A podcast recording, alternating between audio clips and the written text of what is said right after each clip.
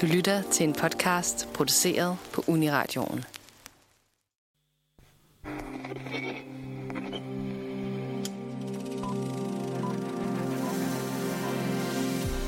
Nogle film kan definere en hel generation, og andre film kan være toneangivende for hele kulturbevægelser. Men nogle film kommer og går.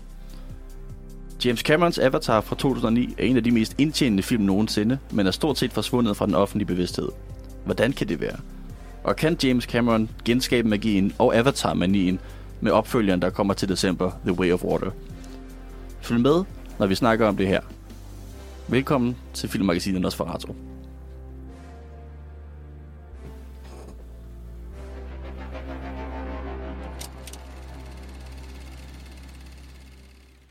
Velkommen til Filmmagasinet Nosferatu. Uh, I dag skal vi snakke om Avatar. Uh, det er en film fra 2009, som... Det, det, er lidt blevet en inside joke for mange, føler jeg, at ingen kan huske den. Øh, så er det også lidt sjovt at tage den op og sige, hvad handlede den om? Hvad skal vi snakke om? Hvad, hvad var det for en film? Øh, og den bliver genudgivet, skal vi lige sige, det er anledningen, den bliver genudgivet i biografen her til september den 21. tror jeg, hvor det blev en uh, James Cameron Remastered Edition, hvor han lige har været tilbage og finpoleret den lidt, og så har lyst til at udgive den igen. Øh, så vi, vi vil snakke om den. Vi vil sige, hey, hvad er det for en film? Hvorfor er det, ingen kan huske den? Og var der noget ved den? Eller var den bare, skulle den bare glemmes?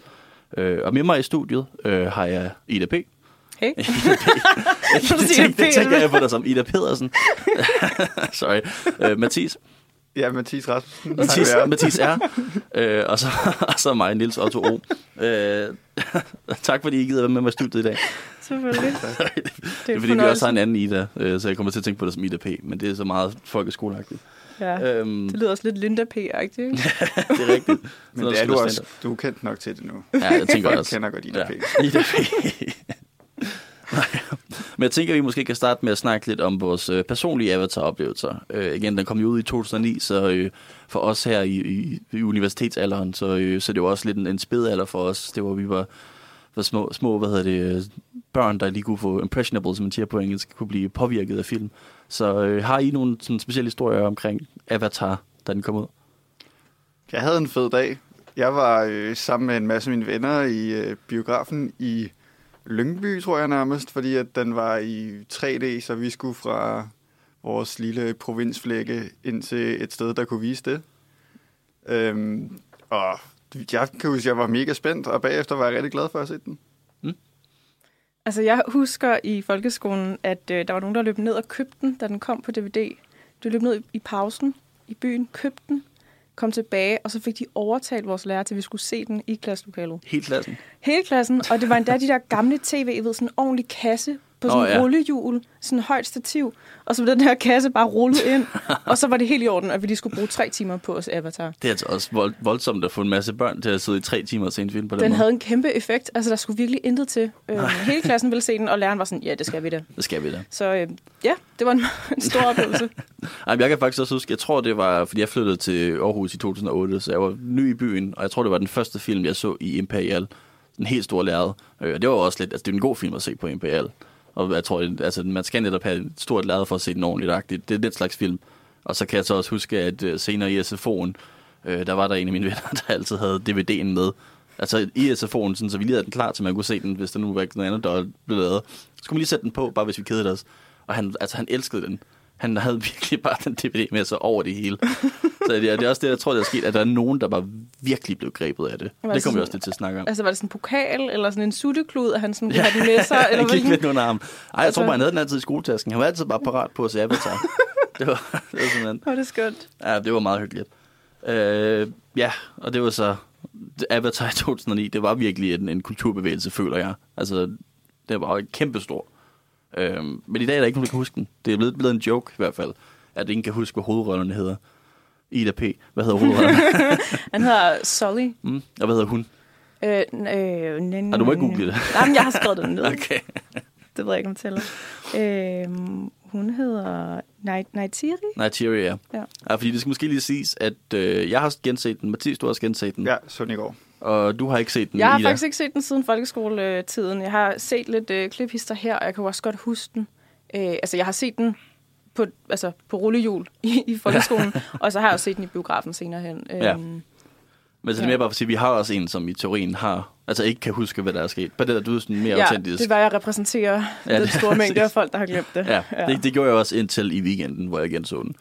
Øh, men Men jeg skal lige forstå, så du så den altså på et kassefjernsyn, der bliver rullet ind i klasselokalet? Ja. Det tror jeg er første gang, jeg har set den. For det giver bare ingen mening, at man kunne lave 3D-film, og så bliver de også udgivet på kassefjernsyn. Det, Ej, det er nej, faktisk okay, sjovt. den kom på DVD, altså det, det var jo ikke mening til kassefjernsynet. Kassefjernsynet havde en DVD-maskine, men det var da sådan vildt absurd at se den her Jamen, og- meget lange, meget store film. Og Ja. den stadig er fængslende. Eller at, man kan komme ind i det sådan med flimmer og det, ja. Jeg tror, det var, den var, altså, det var bare så meget, netop som du siger, Otto, i kulturen, at sådan, Avatar, sådan, Ja, ja. wow. Man var bare klar på at se den, også selvom man ikke kunne få det der altså 3D og special effects og sådan noget. Eller bare altså størrelsen på lærredet. Ja, ja, der, Ja. det var total øh, røvtur bare at se den på den lille bitte skærm, men vi synes, det var det var. Okay, så er det jo fedt. Nu kan vi teste dig 13 år, tre- 23 år senere. Jeg kan ikke. 23. 13, 13 år senere. Det, to, det, det var 2009, ikke? Ja, Ja. ja, det har været sådan en udskoling, at vi så den. Ja. Fedt. Jeg er også blevet anklaget rigtig meget for at tage for den øh, og, og lignende. Øhm, men det er også en ret, ret basal historie. Øh, den, den, den klassiske hvide amerikanske soldat, øh, som er, er rigtig god til brutalitet, men ikke rigtig har fundet sådan, du ved, forløsning i sin sjæl, og ikke rigtig ved, hvor han passer ind, øh, kommer til et andet sted, et fremmed sted, et farligt sted, hvor han så møder nogle indfødte, som der så lærer ham, hvordan han skal være, og så samtidig så lærer han dem, hvordan de skal være. Han kan også give det tilbage, og det er den der sådan white savior trope, som også bliver kritiseret meget for, med at han kommer der, og så kan han hjælpe dem til at vinde. Det er, sådan, altså det, det er det basale plot, som er det, folk kritiserer. Og så har du så også altså, øh, James Cameron, som jeg også kommer til at snakke om lidt senere. Han øh, gik så voldsomt i detaljerne i den her film. Altså, han brugte flere år på at lave et kæmpe univers. Og det var, han hyrede sådan marine biologist, altså folk, der kunne alt muligt, og han beregnede sådan atmosfæren og tyngdekraften på den her planet. Og han virkelig gik i detaljer med det her kæmpe store univers. Og det er virkelig også det, som filmen er, sådan, du ved, rundt omkring på, på Pandora, den her planet. Så det er også det, altså, det er ikke kun det her meget basale plot, det er også en rundtur. Det er sådan en, en karuseltur rundt omkring i det her fantastiske univers, James Cameron har knoklet for at lave. Ja, for mig føles det lidt som øh, et computerspil. At man ligesom, det er også, de, når de har en historie, så er det tit på den der måde med, at man bliver introduceret til nogle karakterer, og så skal man rundt i verden og løse nogle øh, opgaver, mens man stiger i level, indtil den store konflikt kommer. Ja, Og det passer egentlig også, altså med den måde, computerspil har været på siden i hvert fald, med at man jo har en avatar, som Nå, man ja. skal, altså det er jo, det er jo en form for, for virtual reality-spil. Han logger ind i spillet. Ja. Det er så, ja, det er så, Avatar, det kommer af, at der er de her blå mennesker, der hedder Navi, som er de indfødte amerikanere i virkeligheden. Det, det er meget, altså rigtig meget taget fra dem i kulturen og alt muligt andet. Og deres udseende også en lille smule, øh, på trods af, at de er blå. Øh, men så ham her, hvad hedder han, øh, Jake Sully, som der så øh, kan logge sig ind i en avatar-krop, som er en Navi, så han selv kan blive til en blå alien. Så han logger ind i et spil, og så render han rundt og undersøger den her store verden, og får en high score, og så logger han ud igen. Det er rigtigt nok. Det, Ja, og det kan man også lige til, knytte en kommentar til det der med øh, de indfødte amerikanere, at det er fuldstændig tydeligt, at det er dem, men de er sådan poleret og sat på en piedestal, der ikke rigtig er menneskelig, som man kender det fra den truppe, der hedder uh, Den gode vildmand, eller The Noble Ja. Savage, som Noble også Savage, er, er kedelig og, og dehumaniserende i bund og grund. Ja. Så der er, der er mange af de der sådan, politiske grunde til at kritisere den her film. Ja, det er rigtigt nok. Og det er også det meget, det jeg føler mange kommer på. Øh, ja, hvad siger du? Øh, Jeg kommer også bare til at tænke på, Avatar for mig var også meget, altså sådan tegneserien Avatar, som jo intet har med det her at gøre. Men Nej, bare lige nævne, at de, ikke, de to ting har ikke noget med hinanden at gøre. nej, Altså Avatar med hovedkarakteren Aang, som også senere blev til en øh, live-action-film. som ikke hedder Øh, Avatar. De kaldte nej. den noget andet. Øh, Avatar The Last Airbender er sådan titlen ikke, på, Ja. På det værk, men jeg ved faktisk ikke, hvad filmen blev. Hvad den Jeg tror den hedder hedde. Last Airbender, så. The Jeg Last tror netop Airbender. bare, de sagde, at Ja. vi kan ikke kalde den Avatar. Fordi der er også bare i det Avatar-ord ligesom to meget store universer. Selvfølgelig er den, den blå Avatar måske blevet større i populærkulturen, men sådan, bare lige for dem, der kunne være i tvivl, det er ikke den Avatar, Nej, vi det, snakker er, om. ikke- det er ikke en god Men Avatar. den Avatar var også, ja præcis, den Ja. var også virkelig fed, eller måske federe. Det, det er jo en smagsag. Ja. Og vi kan sige sådan plotmæssigt i, øh, i Avatar, så er menneskene jo taget til Naviernes planet, Pandora, øh, for at udvinde den sten, der hedder Unobtainium. som Godt er navn. et latterligt navn. Så det, det er mine selskab, som så med dem har altså, en hær, som må vel være en eller anden form for sikkerhedsstyrke, men det er en kæmpe stor hær med exoskeletter og tanks og kæmpe helikopter med fire rotorblade og Ja.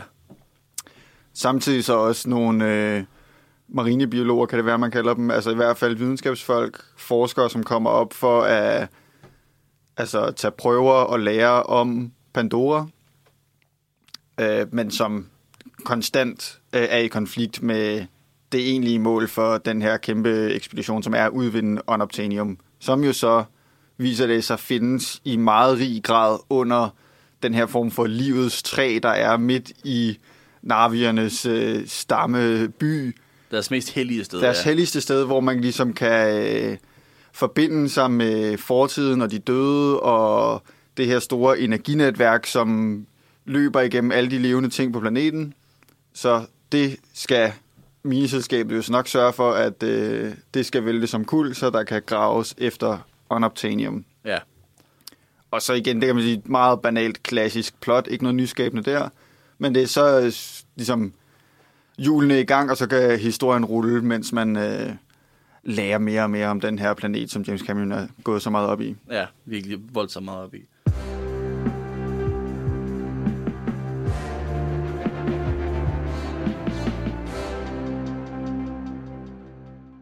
Ja, så Avatar, øh, hovedkarakteren Jake Sully, er ligesom ham, der tager os igennem filmen. Øh, blandt andet igennem en serie af voice-overs, som også viser sig at være optaget videologs fra øh, hans station, øh, hans videnskabelige arbejde på Pandora. Ja, han sidder og forklarer direkte til kameraet, hey, det er der plottet er. Ja. Det er der, vi er nu.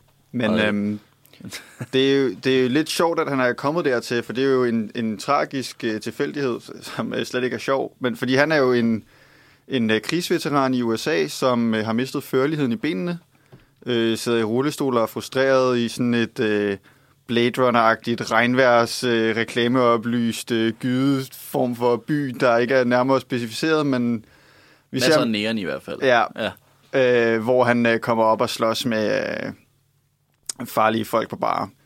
Indtil at han bliver øh, opdaget af, øh, ja, det må være nogen, der arbejder for øh, det her minefirma, der har brug for ham. Det er jo fordi, ja, han, hans tvillingebror, som han deler DNA med døde, Lige præcis. og hans tvillingebror var videnskabsmand og skulle have Ja. været sådan en, en avatar. Så de, sådan, nu har vi brugt en million kroner på at lave den her blå krop, og du er den eneste anden, der kan bruges til det. Og så ender han så ja, som den her sådan lidt jarhead idiotsoldat, der ikke rigtig ved noget om videnskab. Han ender så i den her videnskabelige situation. Så han er sådan en fish out of water. Han, er ikke, han passer ikke ind i det her system. Ja. Og måden det fungerer på, er jo, at de, øh, når de er på Pandora, så kan videnskabsfolkene ligge sig i nogle lidt kisteagtige øh, beholdere, hvor deres normale krop øh, går i dvale, og så vågner de op i den, deres Navi-krop. Ja. Øh, hvilket jo så også betyder, at Jake får øh, førligheden i benene tilbage, hvilket for mig, da jeg så den første gang, nok var en af de fedeste scener, eller noget af det, der har sat sig mest hos mig, der hvor han vågner op for første gang i Navi-kroppen, og bare må ud og løbe lige med det samme, hvor jeg sådan, ja, og det, det er virkelig det, der var det fede for mig i filmen, at den fejrer sådan det fysiske euforien ved, ved sanser og leg og um, at agere i den fysiske verden, selvom den er sådan, har en computerspils logik. Hvor jeg måske, det kan vi snakke om senere, nu synes det, den fejring er gået lidt over i en fetishisering. Men, øhm, og også derudover, at, at, at man som en handicappet person ikke kan, altså ens største drøm så er ikke at være handicappet, det er også lidt mærkeligt. Ja. Øhm, men dengang virkede det virkelig stærkt for mig, og jeg kan godt se det smukke i det, og, og euforien er virkelig øh, flot opbygget, og det er en virkelig flot planet med øh, blomster og planter og væsener i alle mulige farver, som man bliver introduceret for. Øhm, men Jake kan ikke kun nyde det her øh, helt uskyldigt. Han har ligesom to opgaver. En for Dr. Grace, som er hans øh, biolog-chef, der gerne vil have en masse prøver og lære om, om øh, Pandora, og har haft en skole. Der, det er som om, der er en tragedie i fortiden, som man ikke rigtig øh, når at forstå fuldt ud, men der, hun har i hvert fald haft en skole engang, hvor hun har lært nogle af de her Navi-folk at tale engelsk. Ja, så det er virkelig hende, der har prøvet at Ja. være, du ved, også kolonistisk i virkeligheden, men mere solidarisk over for de der Ja. Narvis der. Ja, Indeled, måske. Ja, prøv, prøv at lytte lidt mere til dem og forstå, hvor de er. Hun har også spillet, skal vi lige sige, Sigourney Weaver ja. i ikke hendes bedste performance. Nej, overhovedet ikke. Jeg synes virkelig, der var mange gange, hvor det er sådan, fordi Sigourney Weaver er generelt solid skuespiller, men der var mange gange, hvor hun lavede noget dialog, og det var sådan, var det virkelig det bedste take, I havde? Altså, hvor jeg, jeg forstod ikke helt, hvordan de var kommet frem til det, i forhold til, hvor stærk hun havde været i fortiden. Men det er så en anden, en anden pointe. Ja, ja. Men det virker i hvert fald, som om de har haft et, øh, et godt forhold til Navi-folk og de her videnskabsfolk. Som også, når man tænker på, at den kommer ud i 2009, får en til at tænke på, i hvert fald mig til at tænke på Afghanistan-krigen, og den lidt konfuse mission, der var der, med at man bekrigede nogen, men samtidig også var der for at hjælpe en lokalbefolkning og lavede skoler og så videre. Det synes jeg er lidt øh, tidssymptomatisk i hvert fald. Ja. Men Jake er på en eller anden måde også udvalgt. Der kommer det her white savior-fænomen lidt ind over det. Han bliver ligesom oplyst af nogle øh, rene ånder, som øh, Navi-folket kalder det, som er et tegn på, at han virkelig er noget specielt. Og derfor så vælger Navierne at træne ham, så at han kan blive en af deres egne, og han ender også med at blive optaget i deres klan og vinde deres... Øh, at de stoler på ham. Men samtidig så vil mineselskabet bare bruge ham som et redskab til at lære øh, hemmeligheder, som de kan udnytte om det her folk, som de i virkeligheden, altså de er fuldstændig ligeglade med dem. Så efterhånden, som øh, plottet skrider frem, bliver de mere og mere øh, skrupelløse, men Jake ender så med at vælge Naviernes side og kæmpe mod dem imod menneskene Ja. i en stor kamp, der er til sidst, hvor at alt brænder ned. det er godt nok en, en voldsom kamp til sidst. Det er, det, det, det er et kæmpe slag. Og en fakta, jeg også skal lige vil introducere her, er, at man har en, en skurk, øh, spillet af Stephen Lang, som er øh, basically Colonel Kurtz fra Apocalypse Now, altså den mest sådan, stereotypiske onde militær skurk, man kan forestille sig. Render rundt med sådan en buzzcut og øh, wife beater og bare siger, uh, jeg elsker lugten af napalm, basically, hele tiden. og meget stereotypisk, men det er ham, som øh, Jake Sully først lidt bliver venner med, fordi at han også kommer fra en marine baggrund. baggrund. Han er selv marinesoldat. Så det, han, han kan sådan mærke, okay, der er faktisk noget, jeg kender her. Til sådan, det, han siger på et tidspunkt, det er, sådan, det er rart at blive råbt af på den måde, fordi det er han savnet. Det siger han. Ja, han har sådan lidt andet, du ved, sådan, det minder mig om, da jeg var Ja. i herrenagtigt. Og det Øhm, synes jeg faktisk fungerer utrolig godt. Altså Ja. det er noget af det, filmen er, er bedst til at formidle. Det er militærbegejstringen, eller den følelse af, at man er en soldat, og man er en god soldat, og kan høre til på den måde. Ja, og det er også ham, øh, skurken her, nu kan jeg ikke huske, hvad han hedder, men spillede Stephen Lang, så jeg kender ham bare Stephen Lang for nu af. Han hedder, har den mærkelige navn, Colonel... Ja, han hedder ikke Kurtz, men sådan noget Ja, ja. Courage, eller sådan noget. Ja, ja, virkelig ja. ligger meget op af. Ja, præcis. Øhm, men det er også ham, der kommer og siger, fordi at øh, Jake Sully har ikke haft råd til at kunne få opereret sine ben. Det siger de der med, han kunne måske godt have fået fikset sine ben, men det har han ikke haft råd til. Men ham her, øh, Colonel Kurtz, kommer så og siger, at hvis du hjælper mig, så får jeg fikset dine ben. Og det bliver også lidt det her med, hvis han, han går over til de onde, så får han det, han personligt har, har, har ønsket, du ved, at være, være fysisk igen på den måde. Han er netop fordi, han er sådan en marinesoldat, så det der med, at han føler sig, han kan kun fysiske ting, han har ikke noget sjældent, øh, og så mister han sin fysiske evner, og så er det jo det, der driver ham. Og det er lidt ableist. Altså, Ja, og det synes jeg også er en rigtig god pointe, men han har vel også sjæl, eller sådan, det kommer vel også til udtryk senere i filmen. Ja, det er så det, Blandt ja. andet i form af kærlighed. Men det er jo så det, fordi så finder han ud af, at han hellere vil fokusere på det sjældne. Det er jo så det, som er hans ark. Og det er jo også, Ja. altså det er jo, jeg vil også sige, at der er rigtig meget, eller i hvert fald gode ting at sige om Avatar. Ja. i form af, at den har nogle rigtig øh, kloge øjeblikke i form af, hvordan man sådan skal trække i folks hjertetråde. Den ved godt, hvordan man gør.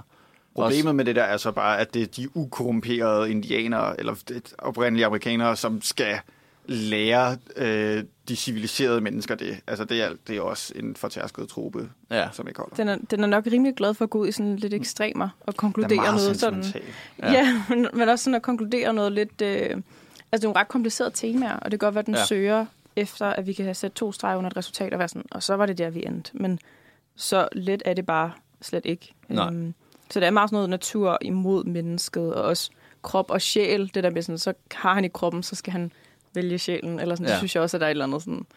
Ja, og der er jo meget, altså, altså- det, det, den hedder Avatar og Diablo, det er jo også inspireret af hinduismen, øh, og han er selv, James Cameron, der har instrueret den her film, øh, kæmpe hippie-type. Altså kapitalist-hippie, mærkeligt nok, ikke? Men du ved, han er en hippie-type, hvor han Den for bedste eksempel... slags. Ja, det er sådan lidt absurd.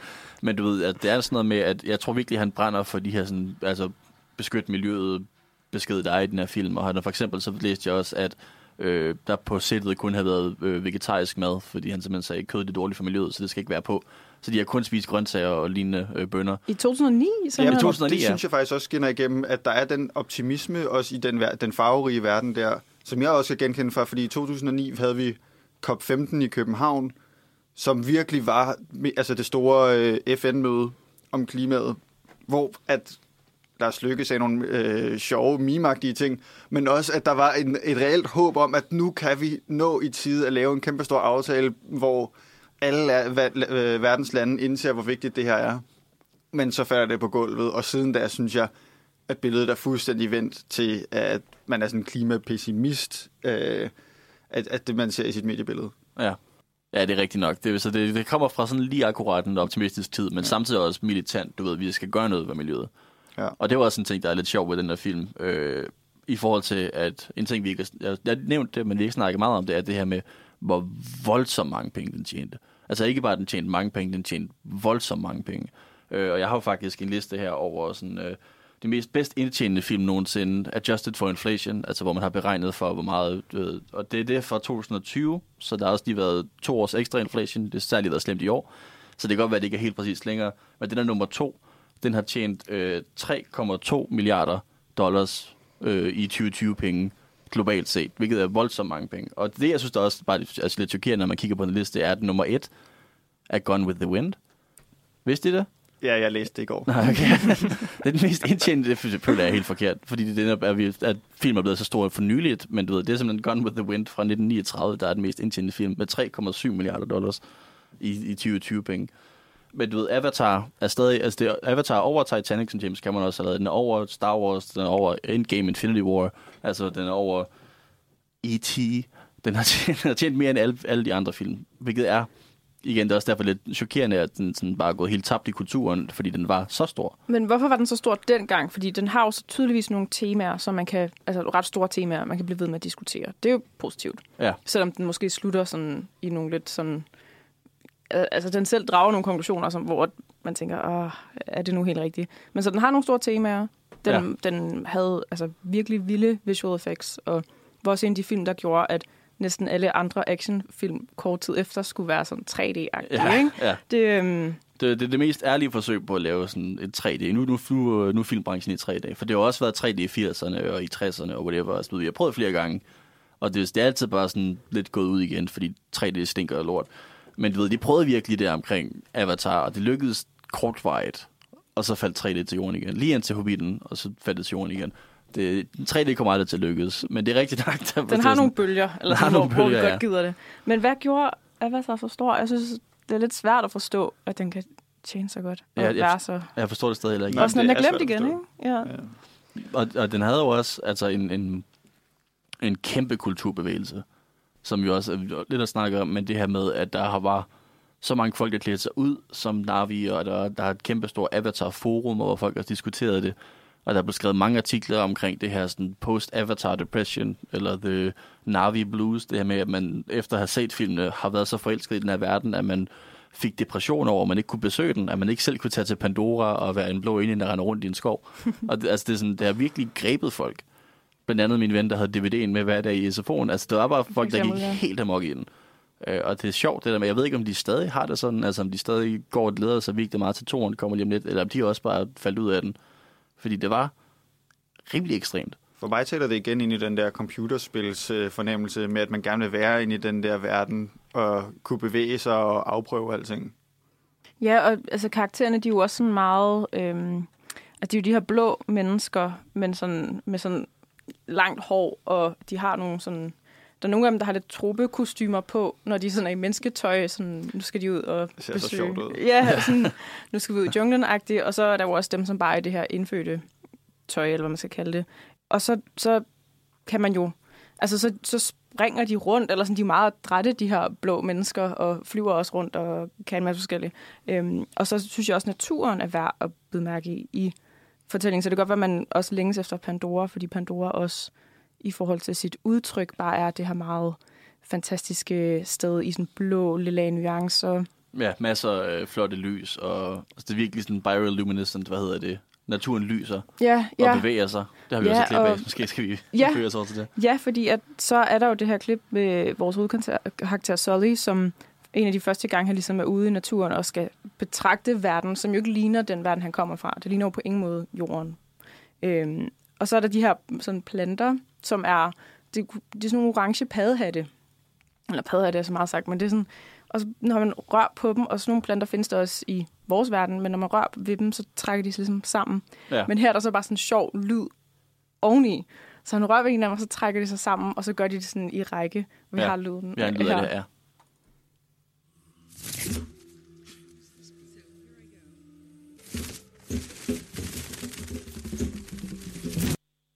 Ja, det er bare sådan en lille ting, men det lyder Ja. ja. sådan lidt øh, bongotrum-agtigt, eller et eller andet, der ligesom... Shup, Eller hvis du har sådan du ved, et paprør, du bunker over, under hovedet med. Ja. Sådan, det er Ja. også den samme lyd.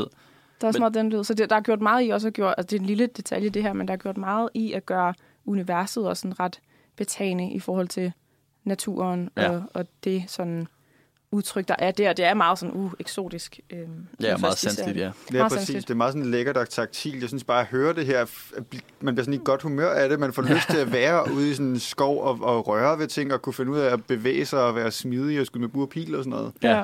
Det er virkelig den der, måske lidt overromantiserede charme, den her. Ja, og så er der Ja. ja. også de der sådan, små det er sådan insekter eller et eller andet, men som godt kan ligne næsten sådan øh, vandmænd, der flyver. Eller sådan. Der er Ja, også, ja. Altså, Jeg tror faktisk, det var sådan nogle, dyr. hvad hedder det, øh, seeds. Det var, hvad hedder det, frøer ja, træerne. ja. Sådan nogle, der kunne Nogle, som, plantes. som kommer ned, ja. Ja. ja. Og så er der træerne, som jo også har de her lange øh, lianer næsten, mm. eller sådan, øh, Ja. også i meget sådan flotte, ja, næsten sådan, mm, ja, lyserøde, lilla nuancer også. Og sådan. Det er meget, meget, meget smukt univers. Og der, og der er sådan en form for øh, science fiction, hinduisme, buddhisme i det her univers. Det her med, at de, øh, de har de her rottehaler, som har nogle øh, åbne nerveender, hvilket jeg virkelig ikke kan lide. Jeg kan ikke lide nerveender.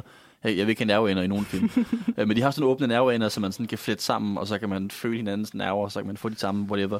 Og det var også der, hvor de sådan kobler sig sammen til, til træerne og til dyrene, og det her med, at når man dør i det her univers, så kommer man ind i det. Altså det her kæmpe store, hele Pandora, den her planet, har sådan et samlet nervesystem med, med, med minder og følelser, og det ene og det andet, så man kan koble ind i det. Og det er jo så også, det, altså, det er jo det, det minder jo meget om, hvad kan man sige, sådan, øh, genfødsel og nirvana, og det her med sådan at opnå et, en, en større øh, sjælelig et eller andet, øh, som man, man har i hinduisme og buddhisme, men så i en science fiction version, hvor det er lidt mere, altså at forklare buddhisme til en 13-årig er måske er svært, men man kan godt forklare det her med, okay, der er bogstaveligt talt et sted, du går hen, når du dør. Så det, så det er sådan en meget taktil version af den her spiritualitet, som jeg tror måske James Cameron selv har. Jeg ved ikke, om han er et eller andet hinduisme med buddhisme. Det kunne han sagtens være. Øhm, men han er i hvert fald fascineret af det, må man sige, fra den der film. Så det er ikke helt galt at kalde det sci-fi Pocahontas. Nej, det er ikke. Nej, det er Jeg føler lidt, det er sådan, Men det er der, men, vi er. Men fordi det er også, det er ikke sci-fi, det er ikke 100% sci-fi Pocahontas, fordi Pocahontas, der følger vi Pocahontas. Det, her følger vi jo John Smith, Ja, det er så. og det er jo så også lidt, der, det er der, hvor det måske minder mere om, øh, den jeg nævnte før, Dancing with Wolves, hvor man mm. også følger, du ved, ham, den amerikanske, whatever, der kommer og møder nogle, amerika- eller nogle Native Americans. Um, så det er jo, altså, det er, det er Pocahontas, plottet, men det er også samtidig lidt mere, altså det ville nærmest være bedre, hvis vi havde fulgt Nate Theory fra starten af, vil jeg sige. Så havde det været lidt mere ærligt, og så kunne hun så have mødt John Det- Smith, øh, det Sully, der kommer. Ja, men det er måske lettere for sådan den almindelige øh, menneske, hvis det findes. Men I ved, for, for mennesker at leve ind i et andet menneske. Så det er vel fordi, vi lettere skal være, vi kan vel lettere være Sully, end vi kan være Er det nok Jake. rigtigt? Altså, fordi vi ligesom også kommer i fra hans univers, og det her meget krigs... Øh, glade univers, og så ind og oplever, ah, sand, øh, indre ro, Ja. ja. naturen, I ved, sådan ligesom folk, der går på, tager på retreats, eller sådan noget. Det er lidt den fornemmelse, man kan få, når man ser Avatar, at man skal med ind i den der, uh, Ja. øhm, Ja, det, det er også hvide mennesker, der tager til Thailand for at opleve noget spirituelt. For Det- eksempel. Det, det er det, filmen er. Jamen, og så i en sci-fi sammenhæng er den jo også øh, det omvendte af, hvad vi ofte ser med, at der er en planet, der bliver invaderet af en krigerisk, øh, grådig, kapitalistisk alien-art. Men den her gang er det bare os. Mm. Ja. Det er ikke nogen, der kommer til jorden og ødelægger det for os, hvor vi skal forsvare os og være de gode. Det er faktisk rigtigt nok, ja. Det er... Øh, ja, det, det er også en sjov element af det, som jeg i hvert fald, det kan man perspektivere lidt til en novelle, jeg rigtig godt kan lide. Øh, Klodernes kamp, War of the Worlds af A.G. Wells, som er skrevet omkring øh, nogle, nogle Marsbor, der kommer og invaderer jorden, og så skrevet fra perspektivet af den journalistik, der snakker om det. Og hele den novelle, og det er også meget uvært, fordi ho- hovedrollen, navnløse hovedrollen, siger det selv til sidst, basically. Men hele den novelle er en metafor for, hvordan England havde været kolonialistisk over for alle andre lande. Så han opfandt, altså det er den første Alien-historie, den er skrevet i 1898, tror jeg. Øh, og har, du ved, i stedet for laser og sådan noget, laser var ikke opfundet, så har de en heat ray, hvor det basically er et, et, øh, hvad er det, sådan et, et røntgenglas, hvor det er ikke røntgenglas, hvad er det, det um, En loop. en loop, ja, sådan, sådan, så de kan sende flammer afsted. Og det, er- det, det er en meget sjov version af science fiction, men den er så også altså antikolonistisk, fordi den basically beskriver, hvad øh, altså særligt hvide mennesker har gjort for andre lande, men gjort mod England. Og det er jo så også lidt det samme, der måske bliver gjort her, det her med, at vi får et perspektiv på, at menneskerne er, er skurkene. Og det er også en ting, som science fiction kan. Så der kan man jo også sige, at det er måske vel, vellykket i en eller anden forstand, selv hvis den så også har det her Noble Savages trope, stereotyp, whatever, at den så stadig fortæller en, en historie omkring, altså du bruger science fiction til at fortælle noget om os, som er det, som science fiction jo kan i teorien. Så det vil jeg sige, det, det gør den jo egentlig, teknisk set. Ja, og måske også som western at være... Altså, hvor indianerne får lov til... Eller Ja, indianerne. ja, Native Americans. For, Vi er ikke helt venner af med det i Danmark, desværre. ja, og altså, i en western sammenhæng har de jo altid heddet det. Ja, Men altså, hvor at man får blikket for deres øh, ulykke og deres øh, udryddelse nærmest. ja. det, jeg synes, det er svært, det der med sådan... Øh, det er som om, der både bliver sat nogle irriterende ting op, hvis vi siger, Sully er den, der ligesom repræsenterer det ene, og hvad hedder hun? Native. Ja, Native, ja. repræsenterer det andet. Det er som om, at begge måder, de bliver fremstillet på, eller hver deres verdener, er irriterende på en eller anden måde. Ja, Fordi det, rigtigt. altså, det er fejlagtigt, begge Ja. ting, og der er ikke rigtig noget af det, der sådan, man helt kan købe ind på. Nej. Man håber jo på, at han, i form af, at han oplever igennem hende, det her univers, hvor at der er mere fred og fordragelighed og en større forbindelse til sig selv, som han jo har savnet. Det er man jo også, synes jeg, som ser med på, at sådan, ah, hvad vil gerne have, at han bliver mere af det. Ja, Sådan oplevede jeg det i hvert fald. Ja, ja. Det er næsten ved alle elementerne i filmen, er der sådan, ja, der er en fed side af det her, og så er der også den, det er bare eksekveret på den, en lidt forkert måde. Ja. Også det, altså egentlig det, som der var med det træ, øh, og den forbindelse, der er af, af energi og død og levende i, øh, på planeten Pandora, er jo til en vis grad også reelt. Altså som man har fundet ud af mere og mere i forskningen øh, bagefter, at der er et netværk under jorden af svampe og rødder fra træer og planter, som kommunikerer med hinanden. ja. Så altså, det er egentlig et meget godt billede sådan, på et økosystem, men så bliver det også bare gjort så, så cringe med de der nerveændinger. Altså man forstår godt, ja, at forbindelser til øh, andre væsener er øh, godt og smukt, men så kommer der den der pornoscene, som er så... Vi skal snakke vi om skal snakke om ja. som er så mærk. Altså, så de tager simpelthen de nerveender, som de bruger til at kontrollere altså dyr, når de vil ride på dem, ja. og filtre dem ind i hinanden. Altså, det er så ekstremt intimt, at jeg slet ikke øh, kan være der. Ja, og det er, sådan, det er lidt en sjov ting. Jeg sad altså og googlede på det, fordi jeg også var nysgerrig omkring det. Det der med, har de kønsdele? Navi, Navi, og det har de. Det er også derfor, de har jo underbukser på, eller hvad man vil sige. De har dækket, de har et eller andet der. Vi får ikke lov til at se det sjovt nok, fordi det er ikke den slags film. Men der er noget der, så det er ikke teknisk set sex. Men tidligere i filmen, hvor han først bliver til en Navi, først bliver til en avatar, så går Sigourney Weaver forbi ham og siger til ham, mens han sidder og piller ved sin hestehale, don't touch that, or you'll go blind. Ja. Hvilket jo er, i amerikansk kon- kontekst, så er det jo det her med, at Og hvis man, onani. hvis man onanerer, så bliver man blind. Så hun siger til ham, du sidder og onanerer lige nu, Ja. og du ved det ikke. Så det er sex, altså det er jo alien sex, og det er også det, det samme, de gør med de der heste. Det er jo det, der er, altså du Ja, ved, når han det. skal ride på en hest, når han skal ride på øh, en flyvende hest, det som også er der, så, så gør han præcis det samme, som han gør i den her meget sensuelle sexscene. Altså, du ved, ja, altså sex, quote unquote. Så han sætter sin, bare lige for lytterne med, han sætter sin flætning ind i, hvis anden det er med en kvinde, i den andens flætning, eller en anden Navi-karakter. Ja.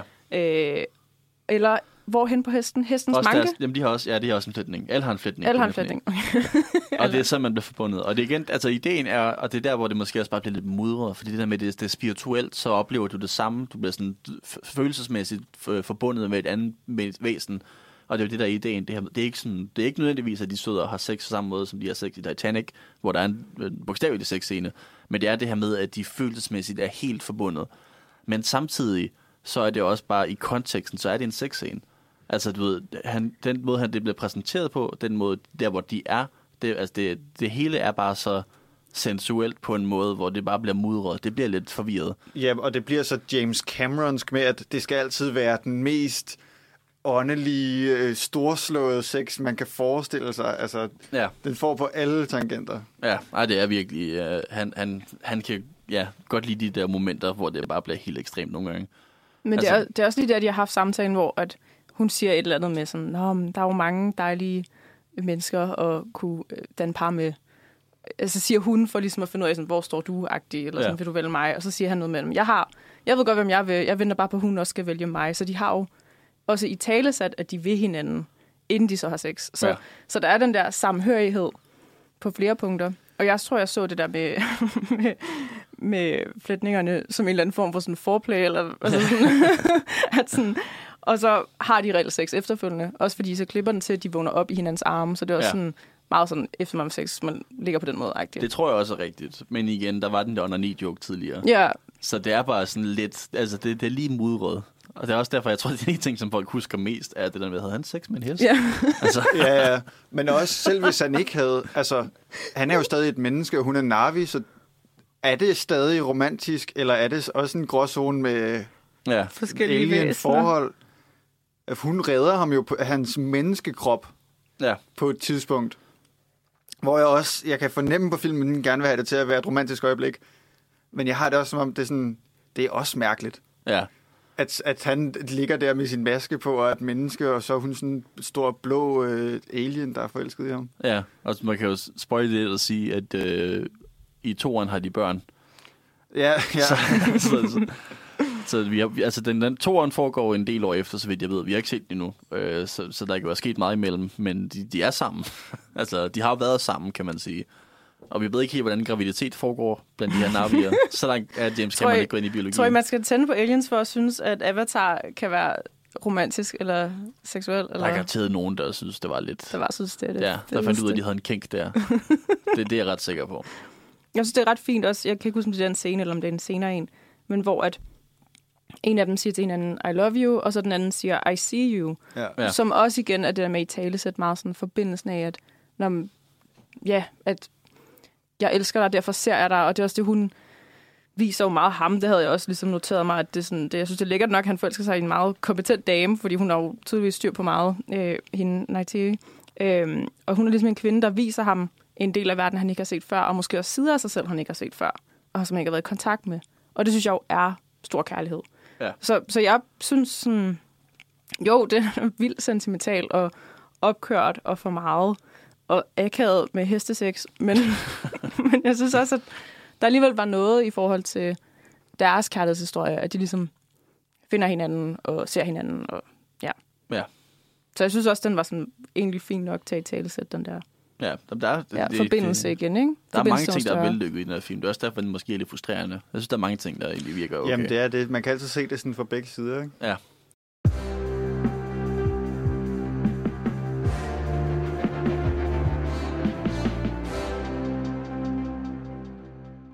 nærmere på, hvem øh, James Cameron er. Og det er ikke, fordi jeg selv har et stort sådan, personligt forhold til ham. Faktisk, da jeg skulle forberede mig til i dag, så googlede jeg sådan, øh, tænkte lige over, hvad jeg lavede. Så googlede jeg David Cameron i stedet for.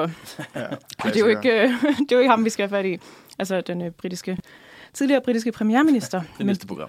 det er et andet program. Nosferatu laver britisk politik. Det er også relevant lige nu. De har lige fået en ny premierminister i går. Lige præcis. Så- Det har de jo. Nå, men øh, det var... Ja, i går. Nej, ikke i går. Jo, Hvor var det? jo. Liz Truss i går. Jo. Okay. Øhm, men David Cameron, nej, James Cameron, James Cameron. han er, han er et instruktørnavn, der for mig virkelig rimer på visual effects. Ja. Det er noget, som han har været kendt for hele tiden at skubbe grænserne for, øhm, især med CGI. Øhm, så han har jo på en eller anden måde været med til at være sådan lidt øh, bannerfører for den her øhm, filmindustri, filmindustri, der hele tiden har udviklet sig i forhold til det visuelle. Hvad kan man gøre på film?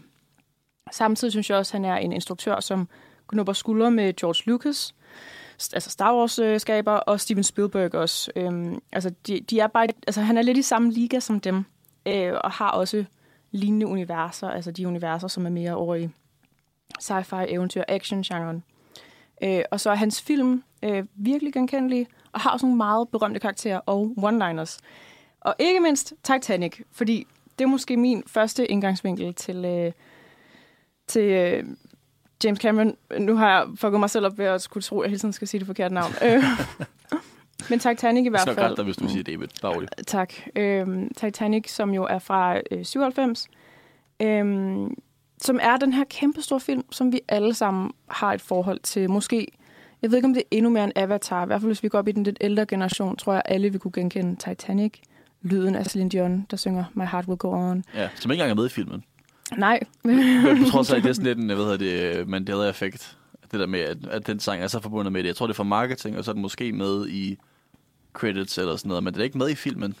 De spiller Nej. aldrig My Heart Will Go On i den. Jeg har lige set den for nylig. ja, spiller, men de spiller melodien uden hendes sang, gør de ikke? Det tror jeg, I gør på tidspunkt. Ja, så det er nok også bare meget den der melodi, som folk kan genkende. ja. Og så øhm, det der meget, meget berømte skud, hvor at Jack, altså Leonardo DiCaprios karakter, står sammen med Rose, Kate Winslets karakter, på tippen, øh, eller sådan ude i spidsen af skibet, og ligesom har det med armene, ikke? Ja. Og, og de står der sammen. Det er jo sådan en, en jeg synes næsten, det er sådan en ting, man bare kan genskabe den scene, uden at have set filmen. Altså Ja. så ikonisk og velkendt er den. Jeg kan huske som barn at have lavet den scene, inden ja. jeg så filmen. Så, så udbredt er det. Men fra Titanic, altså udover at vi selvfølgelig har et stor kærlighed igen, ligesom vi også har i Avatar, så har vi også det her med CGI. Øhm, fordi Titanic er jo også en film, man forbinder det med kærligheden og øh, katastrofen ved det her skib, der, der sank. Men der er også sindssygt meget arbejde i forhold til, hvordan de har lavet skibet, der jo knækker midt over. Altså alt det, der er lavet, når først katastrofen øh, indfinder, og der er vand alle vegne. Og det er jo kæmpe, kæmpe arbejde. ja. De har både arbejdet med et sådan rigtig størrelseskib, eller sådan, ja, op i den, den øh, størrelse, og så også en masse miniatyrer. Øhm, og så er der, de har leget sindssygt meget med kameravinkel og vandlinjen for at få det til at ligne, at skibet tipper mere, end det i virkeligheden gør, fordi det er ret højt op at tippe det der skib. Så det er jo vildt avanceret, alt det, de har lavet. Jeg tror også, det var, er det ikke, var det ikke den første film, der brugte motion capture? Fordi, Det må du uddybe, hvad det Okay, motion capture, det er, at man tager sådan, det er også det, de bruger i Avatar. Mm. Mhm. Øh, det er, at man får sådan en dragt på med en masse små tennisbolde på, og så har man et bestemt kamera, der sådan kan finde de der tennisbolde, og så transformere det om til noget digitalt. Sådan, så du kan lave, altså du kan tage nogle bevægelser, og så kan du lægge det ned på en computer, og så kan du tage en computergenereret model og sætte det ovenpå.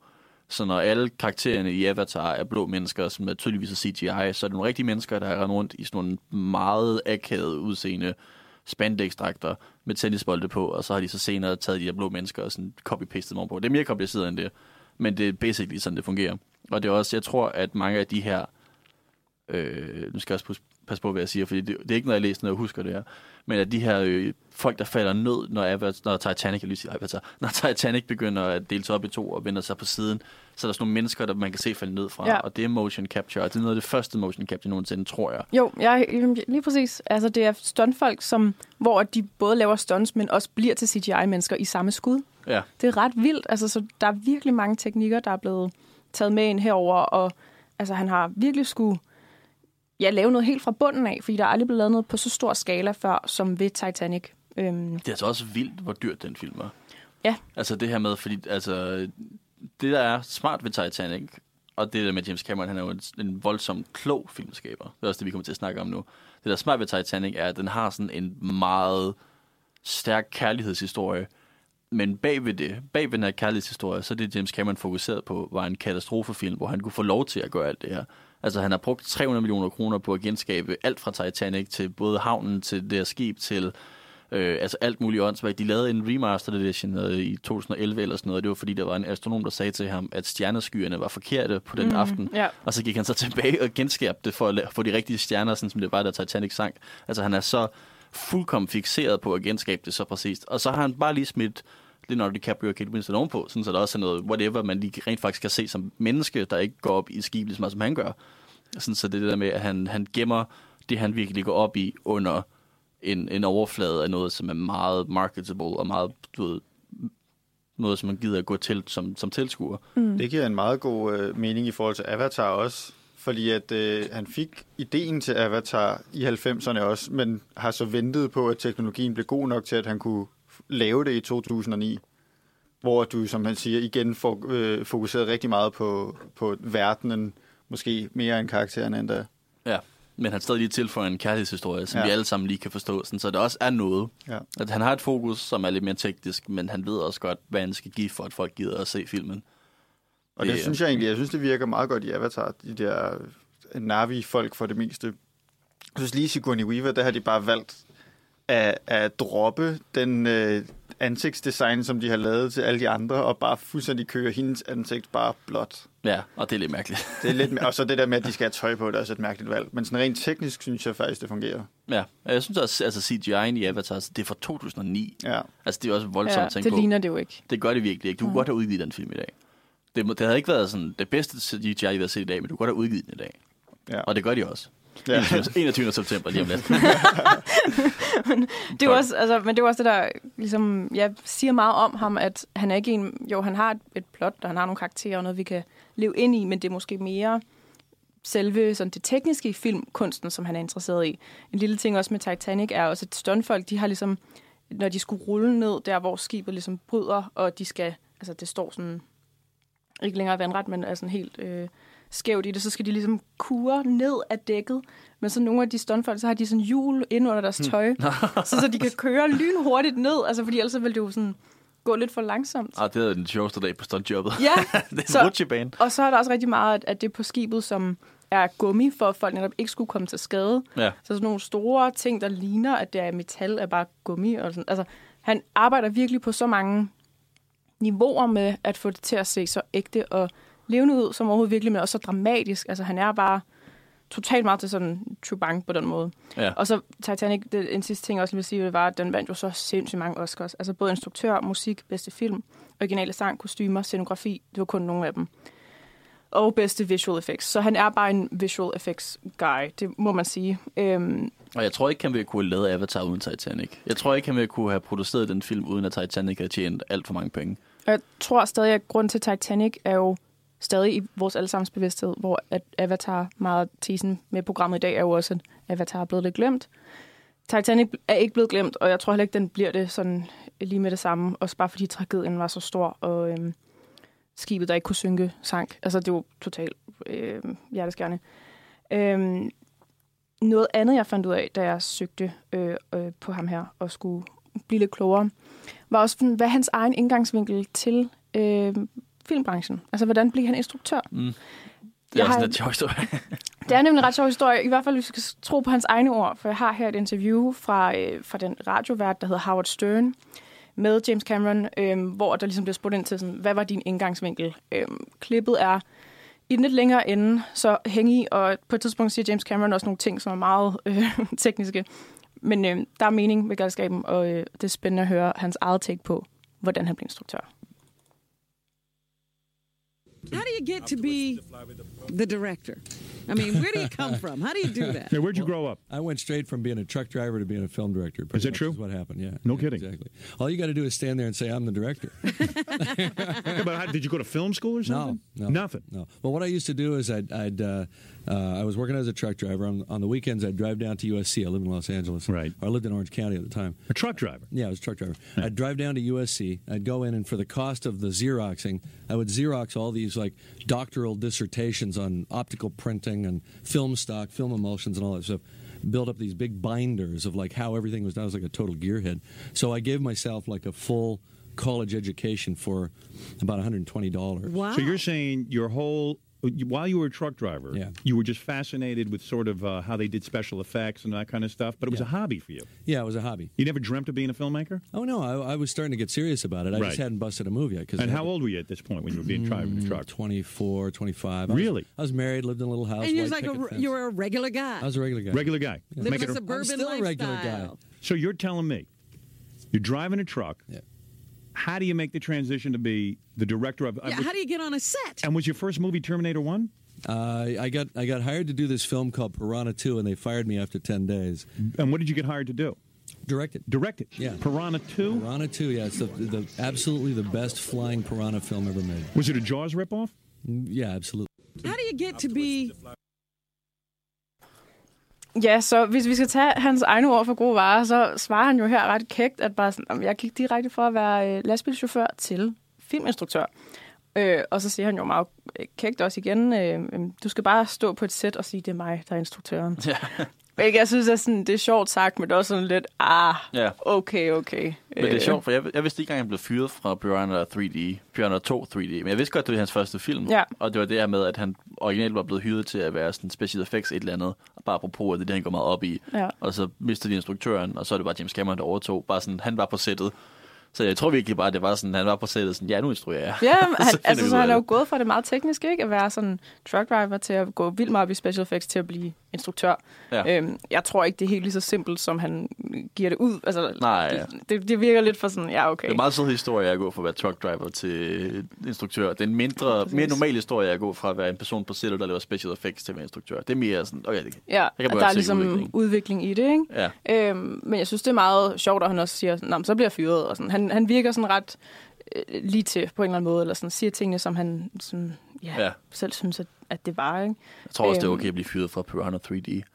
Jeg har ikke set filmen. Med. Nej, det ikke. Men så lavede han Terminator lige bagefter.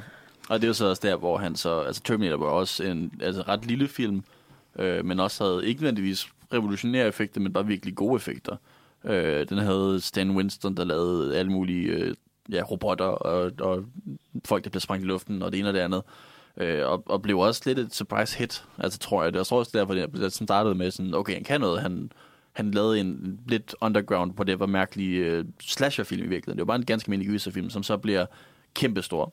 Og så laver han så Aliens, som er, altså, også er meget relevant at snakke om i forhold til øh, Avatar. Fordi jeg tror, Aliens måske andet end... Altså, jeg tror, hvis man før Avatar, og i virkeligheden også efter Avatar en lille smule, så er folk, der er fans af James Cameron, delt op i dem, der kan lide Titanic, og dem, der kan lide Aliens.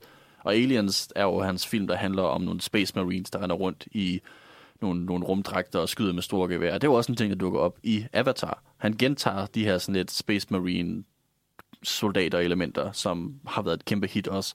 Så han tager sådan lidt, hvad der virker fra den ene bane, det er Titanic, og så tager han lidt, hvad der virker fra den anden bane, og det er Aliens. Så blender han dem sammen, og så får han Avatar. Jeg tror virkelig også, at han har tænkt meget praktisk over det på den måde. Du ved sådan, det virker, det virker. Hvad, ser, hvad sker der, hvis jeg blander det sammen? Og der skete 3,2 milliarder dollars. Så det virkede. Øh. Ja, fordi han virker jo også som instruktør, der er meget en businessman. Altså han ved, hvad der sælger, og han er også en instruktør, som er ret let at finde på nettet i forskellige platforme, hvor han, altså man kan købe hans masterclass, altså hvor han underviser i, hvordan bliver du ligesom mig? Hvordan kan du lave film, som jeg kan? Øhm, så også i, i den sammenhæng har han så også udtalt, altså det her med at skulle pitche en film, at hvis du pitcher en film, så er det også fedt, hvis du kan pitche noget, der kan blive til en fødselsdagspark, eller til et Happy Meal, eller til en lang serie af film, så han har ligesom forståelse for, hvordan at filmbranchen kan være, altså at der er mange veje til at tjene penge på en idé. Ja, Og det har han virkelig forfinet, og det er jo også derfor, han nu skal lave, øhm, eller der er pitchet fem Avatar-film. Jeg, jeg blev sådan helt forpustet, jeg så sådan Avatar 5. ja. Hvad i alverden, som skulle komme i 2028. Øhm, så han har jo bare forstand på de her store øh, fortællinger, og han har jo også været instruktør på ret meget, men han har jo ikke lavet en film i over 10 år. Ja. Og det var også det, altså fordi han lavede Avatar i 2009, og så nu venter vi på Avatar 2, ikke? Som de Øhm, filmede, jeg, jeg tjekker lige op på det, de begyndte at filme den i 2017, og den kommer ud endnu. Så Ja. det har været fem år. Det er sindssygt. Og, det er så også, der har været covid og Ja. ja. ikke? Ja. Øh, men det, der så også har drevet den, han ville egentlig gerne, så vidt jeg forstår, have lavet Avatar 2 sådan nogenlunde efter. Øh, og en anden, en anden ting, man lige skulle snakke om med James Cameron, han har en virkelig mærkelig fetish for vand. Han elsker vandet, og det er så bare apropos, at han lavede, øh, altså når vi snakker om, hans, hvor meget han gik op i det tekniske i Titanic. Titanic starter også med optagelser af folk, der går ned og dykker, øh, for at se den originale Titanic, der hvor det ligger. Og det er rigtige optagelser, som han har taget, fordi han er sådan en dykker-fanatiker. Han, han er der været med på alle de der ubåds, hvor det var helt nede i bunden af havet. Han har også lavet en film, der hedder The Abyss, som er en, en gyserfilm, der foregår under vandet, hvor skurken er en kæmpe stor vandblob, hvor det der jager folk. Øhm, og nu Avatar 2 hedder jo The Way of Water. Og den teknologi, som de har manglet, som han så har brugt de sidste åbenbart 10 år på at udvikle, er teknologi til at lave motion capture, som jeg forklarede senere, der hvor man har de her tennisdragter på, eller det ved, sådan spandex med tennisbolde på, men du kunne gøre det under vandet. Øh, og det er det, som der kommer til at gøre for den her film, hvor at alle, altså selv kameraen, øh, hvem der står bag kameraet, har fået sådan freediving instruktioner, Og der er ikke nogen, der har haft skubedragter på, så de sådan, kamera, dem, der står bag kameraet, skulle kunne holde vejret i sådan fem minutter for at kunne optage. Og alle skuespillerne skulle kunne holde vejret i fem minutter for at optage. Bare fordi James Cameron, han så gerne vil have det være autentisk i, altså, under vandet. Og det, hvis man ser den trailer, altså, øh, bare lige for kontekst, øh, vand er noget af det sværeste at lave med CGI. Og få det til at se realistisk ud er pishammerende svært, og de har ikke kunne finde ud af det i lang tid. Men hvis man ser traileren til den nye Avatar 2, øh, der er rigtig, rigtig meget vand med, og det er 100% realistisk. Altså, der er et teknologisk spring her, som er, han virkelig bare knoklet for. Og jeg tror igen, han har den der vandfetish. Han vil gerne kunne gøre det her. Så der er, også, der er stadig noget teknologisk, der driver det mere end, du ved... Altså, hvis man skulle have lavet en, Avatar 2 år, kunne man jo spille den ud efter fire år, eller whatever, og så havde man tjent nogle andre penge. Men han havde et teknologisk ting, han skubbede efter, som han først kan nu, og derfor kommer den først ud nu. Så jeg tror også, det er derfor, at den kommer 13 år for sent. altså, Så han er ikke helt lige så kynisk, som jeg måske havde lyst til at tegne ham op til. Nej, fordi det- han er dedikeret, og han laver altså arbejdet og udvikler. Bare det at udvikle ny teknologi, fordi du skal Ja. lave en film. jamen, Det er også ret imponerende. Det er lidt, altså, der er noget spændende ved det. Og det, ja. Ja, det er jo også spændende i forhold til et kæmpestort projekt. Man lægger rimelig meget i hænderne på et menneske. Altså i forhold til det blockbuster-landskab, der har været med, at man har nogle rimelig sikre kort på hånden i forhold til tegneserier eller film, man har lavet før, så, hvor man kan genbruge karaktererne, og så kaste en masse penge efter det med gode skuespillere, instruktører og, og hvad ved jeg. Men her har man ligesom taget en, en mands projekt og sagt, vi tror på, at det her det kan blive det største nogensinde. Lav fem kæmpe Ja. store film til os. Altså, Ja. det, det er meget spændende på en eller anden måde. Det er det. Og jeg forstår også godt, at de gør det bare fordi, at de to sidste film, han lavede, er Avatar og Titanic. De to mest indtjenende film, Ja. bortset fra Gone with the Wind. Altså, det er jo klart, at studien har sats på ham, fordi han tjener alle penge. Ja, han har et godt CV. Ja, og det er sådan, jeg, jeg er meget spændt på, også igen, når man laver research på den uh, første Avatar, det der med, at den var på vej ud, så var alle kritikerne også sådan, at den kommer ikke til at tjene nogen penge, for der er ikke nogen, der gider at se en film, der er så meget CGI og 3D og det ene og det andet, og så tjente den 3,2 milliarder. Og nu kommer den nye ud, og folk siger, at den kommer ikke til at tjene nogen penge, der er ikke nogen, der gider at se en toer til Avatar, og der er alt meget for meget 3D og CGI. Og hvad hvis den tjener 3,2 milliarder? Hvad hvis den gør det igen? Altså, jeg, jeg tror ikke personligt på det, fordi jeg ikke selv er interesseret i at se den særlig meget, men samtidig så har jeg også bare sådan, hvad hvis han gør det? Hvad hvis, han, altså, hvad hvis den tjener alle penge igen? Fordi det er James Cameron, det er det, han gør. altså, det er hans track record. Men ja. tror, altså, tror jeg ikke også, at folk bare er nysgerrige? Jo, Altså, og hvis den er god, hvis der kommer god boss og anmeldelser og Mm. alt muligt, så tror jeg virkelig også, at altså, folk er nysgerrige, og hvis den er god, så vil folk gerne se den. Jeg blev mere nysgerrig af at høre det, du sagde om vand. Det lyder helt vildt. Ja, ja det, er, det, er virkelig, det er virkelig åndssvagt, ja. Og det virker som om, når man, der er jo kommet sådan en teaser-trailer ud, hvor der ikke er nogen, der siger noget, som der var nogle øh, medier, der lavede lidt sjov med. Men jeg synes egentlig, den var meget fed. Ja, Og det altså, mm, ja, passer jo også meget godt med, at det virker som om, at han bruger endnu mere tid på at udforske Pandora og de her effekter, han kan lave. Ja, men jeg var også overrasket, da jeg så den trailer over, hvor meget jeg egentlig var sådan, okay, jeg kan godt lide det lidt. Altså, nu siger jeg det der med, at jeg ikke er interesseret i at se den, og det er også, jeg finger sådan frem og tilbage, at jeg er interesseret i at se, men da jeg så den trailer første gang, var det stadigvæk sådan, okay, der er faktisk en lille smule sådan Ja. kærlighed for det, eller interesse, eller nostalgi, eller hvad det er, hvor jeg var sådan, okay, der er noget. Men jeg gider, altså hvis det bliver en film ligesom Avatar historiemæssigt, så ved jeg ikke, om jeg har lyst til at betale 150 kroner for at sidde tre timer i, med Nej. briller på, eller hvad det ender med at være. Nej, Ej, det, det er også Skal der en hype-maskine, der skal til at rulle omkring nu? Ja, det skal de virkelig til at begynde på noget marketing.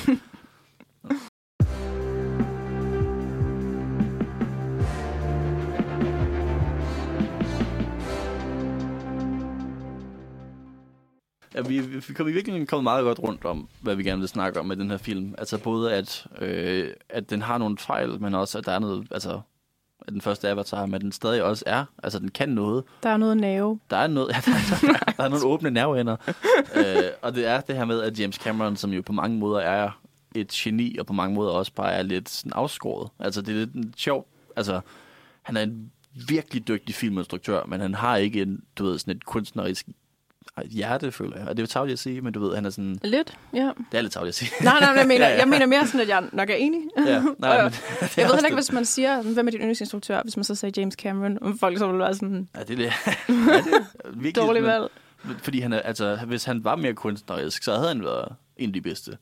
Altså Steven Spielberg for eksempel er jo også på mange måder dygtig og teknologisk og whatever, men har noget mere på hjertet med Schindlers Liste, end jeg føler, James Cameron har. Så det er sådan der, hvor at Avatar også på en eller anden måde ender med at være en lille smule hult, fordi man godt kan mærke, jeg tror, man godt kan se trådene af, hvordan han manipulerer. Man godt sådan kan fornemme det her med, okay, der skal være lidt romance, der skal være lidt det her, det her, det her. Og det bliver bare lidt overfladisk. Samtidig med, at der så er noget altså teknisk bagved, som er for, ufortruffen, hvad skal man sige, altså Mm. virkelig, virkelig godt. Ja, altså han bruger måske sine figurer for at lokke folk til, og så det, der er det helt store, vi skal lægge mærke til, er mere teknikken bag, Ja. og sets og øh, store brag og flot øh, CGI, men er der noget i kernen af det hele? Det er måske det, man kan sidde tilbage med, fordi at hans altså, karakter måske mere bliver papfigurer, bliver Ja. øh, figurer på toppen af lavkagen, ikke? Og så så, så det går det an på, hvilken slags filmoplevelse man gerne vil have, fordi hvis man gerne vil fortrylles og lade sig øh, drive med i al den her øh, store fortælling og flot øh, univers, så er der jo sindssygt meget at komme efter. Ja. Men hvis man gerne vil have et eller andet meget indholdstungt og nogle vilde dialoger og nogle store menneskelige problematikker, som ikke er på den helt store klinge, men som er mere let at forholde sig til måske, og finde et, sit eget standpunkt til, så, så er- er han måske ikke lige der, man skal gå hen. Det Nej. virker også bare meget, altså at skulle lave fem Avatar-film. Fordi det kan jo godt være, at vi snakker om, at man kunne have post-Avatar Blues, og man ønskede, at man kunne være i Pandora dengang. Men det er jo også bare et godt tegn, det der leave them wanting more. Altså det er da en, Ja. en god ting, at, at man kan lave et sted, der er fedt, og folk gerne vil genbesøge det.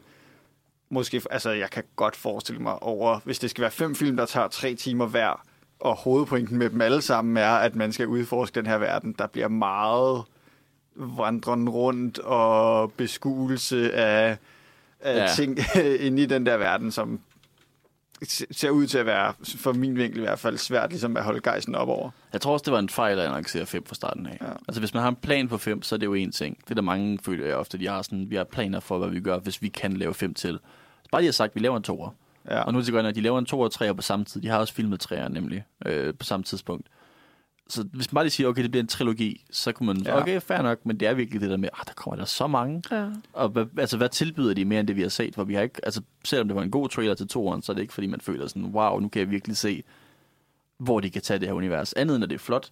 Så det er ikke, fordi man sådan, der er en historie, hvor man tænker, okay, nu er jeg interesseret i det. Ja, så man kunne godt være bange for, at det bliver sådan en sentimental overromantisering af de her vilde folk en tilgang, selvom Ja. der jo ligesom der har været så mange år til at tænke over det, og man kunne lave den fede Pocahontas historie, som vi har bedt lidt om i dag, med at nu er vi hos Navi-folket, og kan have deres perspektiv lidt mere, og komme ind under huden på det samfund, som i virkeligheden er ret interessant, at få nogle nuancer på det Ja, så man kommer ud over de her trupper, vi har beklaget os lidt over. Det ville jo være det var fedt. virkelig fedt. Så Ja. det, der er muligheder for, at det kan blive godt. Jeg er ikke 100% pessimistisk, men det er samtidig også bare sådan lidt udmattet måske. Og det der med fankultur, og man skal have mere, eller man bare skal stå et sted, hvor man har lyst til mere, men også acceptere, universet er slut, det synes jeg også er sådan en evig dilemma, hvor jeg føler, at filmindustrien i høj grad har købt mere ind på, at hvis fansene vil have mere, så skal de have mere, Ja. koste hvad det vil. Og det kan bare godt tit ende i, at man udvander et univers, der i forvejen måske havde noget at give, men sådan heller ikke var altså, det Ja. helt store. Eller, jeg synes, det er lidt svært, og, og der er ingen tvivl om, at Avatar bare var kæmpestort. Det var også det med, at man har udviklet, helt, altså, udviklet et sprog. Ja. Altså, de taler øh, Navi, og der er også YouTube-videoer, hvor man kan lære at tale Navi. Så det var også en ting, da den kom frem, at folk var sådan, åh, jeg kan tale det, eller Ja. sådan. Nogen prøvede på det, ikke?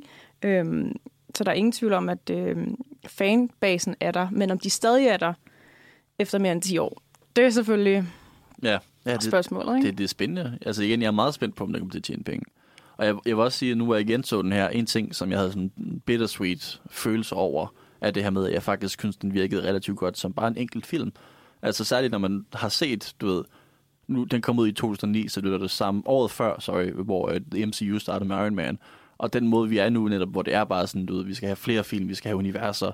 Altså hvis Avatar havde kommet ud på samme tid som Avengers, så havde det jo også været en universfilm. Så havde der været en post-credit scene, hvor vi var klar på, hvem skurken er til den næste. Altså, du sad det bygget op.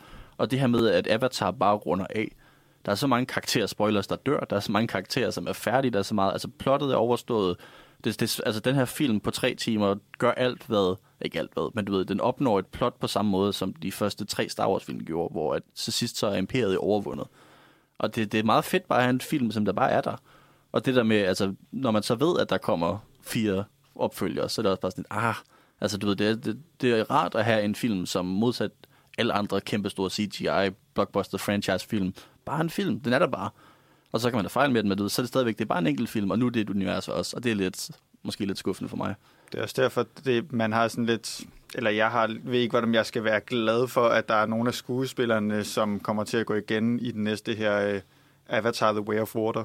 Ja, Altså Sam Worthington tilbage som Jake Sully og Sigourney Weaver så, som hans datter den her gang, Ja. i stedet for hans kollega. ja han, det, Grace døde i den første film, og blev sådan, øh, hendes sjæl blev lagt ind i træet, spoilers, så hun blev sådan reinkarneret som hans datter åbenbart. Så hun skal spille teenager, 72 år i Sigourney Weaver. Det bliver altså også lidt mærkeligt. øh, og skurken, som vi nævnte, Colonel Kurt, Stephen Lang, han kommer også tilbage. Okay. Han døde også. Ja. Så det er sådan lidt, altså du, du, vi har de her karakterer, vi har dræbt dem alle sammen, og nu skal vi have dem tilbage igen. Det er også det, lidt... bliver, det bliver sgu meget udvandet, synes jeg. Ja, man ville næsten hellere have det bare fungeret som en spin-off, ikke? ligesom vi faktisk lige ser de her måneder med både Game of Thrones og Ringens Herre, der kommer tilbage. Nu har jeg ikke lige fået set øh, de nye spin-off-serier der. Men altså, at man kan jo godt, hvis man vil som firma være i det samme univers og trække på det publikum, man starte nye historier med nye karakterer, som ligesom har muligheden for at gå nogle andre steder hen. Ja, jeg, jeg læste også en artikel fra øh, vulture.com, som havde sådan en produktionslinje over, altså hvad havde øh, James Cameron, hvad havde han annonceret i forhold til Avatar-filmene. Og så var der en af punkterne, som var april 14, 2016, eller den 14. april hedder det på dansk, øh, hvor at der så står, at øh, han havde sagt sådan, næste gang jeg ser jer, vil være i Pandora. Og det havde han sagt til, på Comic-Con. Øh, og så står der bare, he's back baby. Og den her gang, så havde han lovet, at der var altså en avatar næsten hver jul. bare, den måde, det er skrevet på, er sådan, at det er den der julegave, som... altså, at hvis man får den hver jul, vil man så ikke bare godt gå ned og bytte den igen? Jo, eller ja. sådan, kommer den med byttemærke, fordi Ja. ja. hvis den er der hver jul. Det er altså, stadig sådan, det er planlagt, kan jeg se, altså, at Ja. ja. de skal komme i december alle sammen. ja. Ja, det er så også en anden ting. Det er ikke sommerfilm. Han kan godt, det var også Titanic udkommer også i december, julen, tror jeg. ja. Ja. Så jeg tror, han har fundet ud af det der med tjene de gode penge. Det er igen businessman. Businessman, ja. Han, Han er har styr på det. Han Ja. ved, hvad der virker. Han kan tjene penge. Men øh, jeg tror, vi skal runde af nu. Øh, men hvad man i hvert fald kan sige, er, hvis man er blevet interesseret i at se Avatar igen, efter vores lille snak her, så kommer den i biograferne den 21. september, tror jeg det er, øh, som er en remastered edition, hvor det sådan, at vi har gået ind og finpoleret grafikken. Jeg ved ikke, om de har, hvor meget de har gjort med CGI, men i hvert fald det ser lidt pænere ud. Øh, og så kan man jo se den igen, og det er en film, jeg så den, jeg, jeg så den for nylig, jeg skal ikke se den igen nødvendigvis, men jeg kunne godt have ønsket, at jeg så den i biografen. Det er en biograffilm, vil jeg gerne turde sige. Øh, og så til december på et tidspunkt, så kommer der så Avatar The Way of Water, øh, som jo også bliver en biograffilm, hvor man regner med en kæmpe stor oplevelse. Øh, så der kan man også anbefale, at man tager ind i Imperial eller lignende, tager DVD'en med i SFO'en, og så ser den en helvedes masse. Øh, så det bliver Børn spændende i at se. dag vil bare være DVD, hvad er det? Ja, ja. De har Netflix med i SFO'en. det er ikke det samme. Men øh, ja, vi siger tak for i dag. Øh, vi er Nosferatu. I kan læse skriftlige anmeldelser på vores hjemmeside og vores Facebook og Instagram.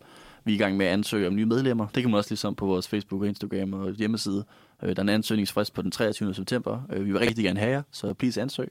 Man behøver ikke at være filmekspert. Man skal bare have en interesse og kærlighed for film. Og man behøver heller ikke være perfekt til at skrive eller lave radio. Det lærer man også. Vi skal bare have en lille smule kompetence, og så skal vi nok arbejde her til at være nogle vidunderlige skribenter, ligesom os andre. Så, så tak for i dag. Ida P. og Mathias. Tak for i dag. Tak for det.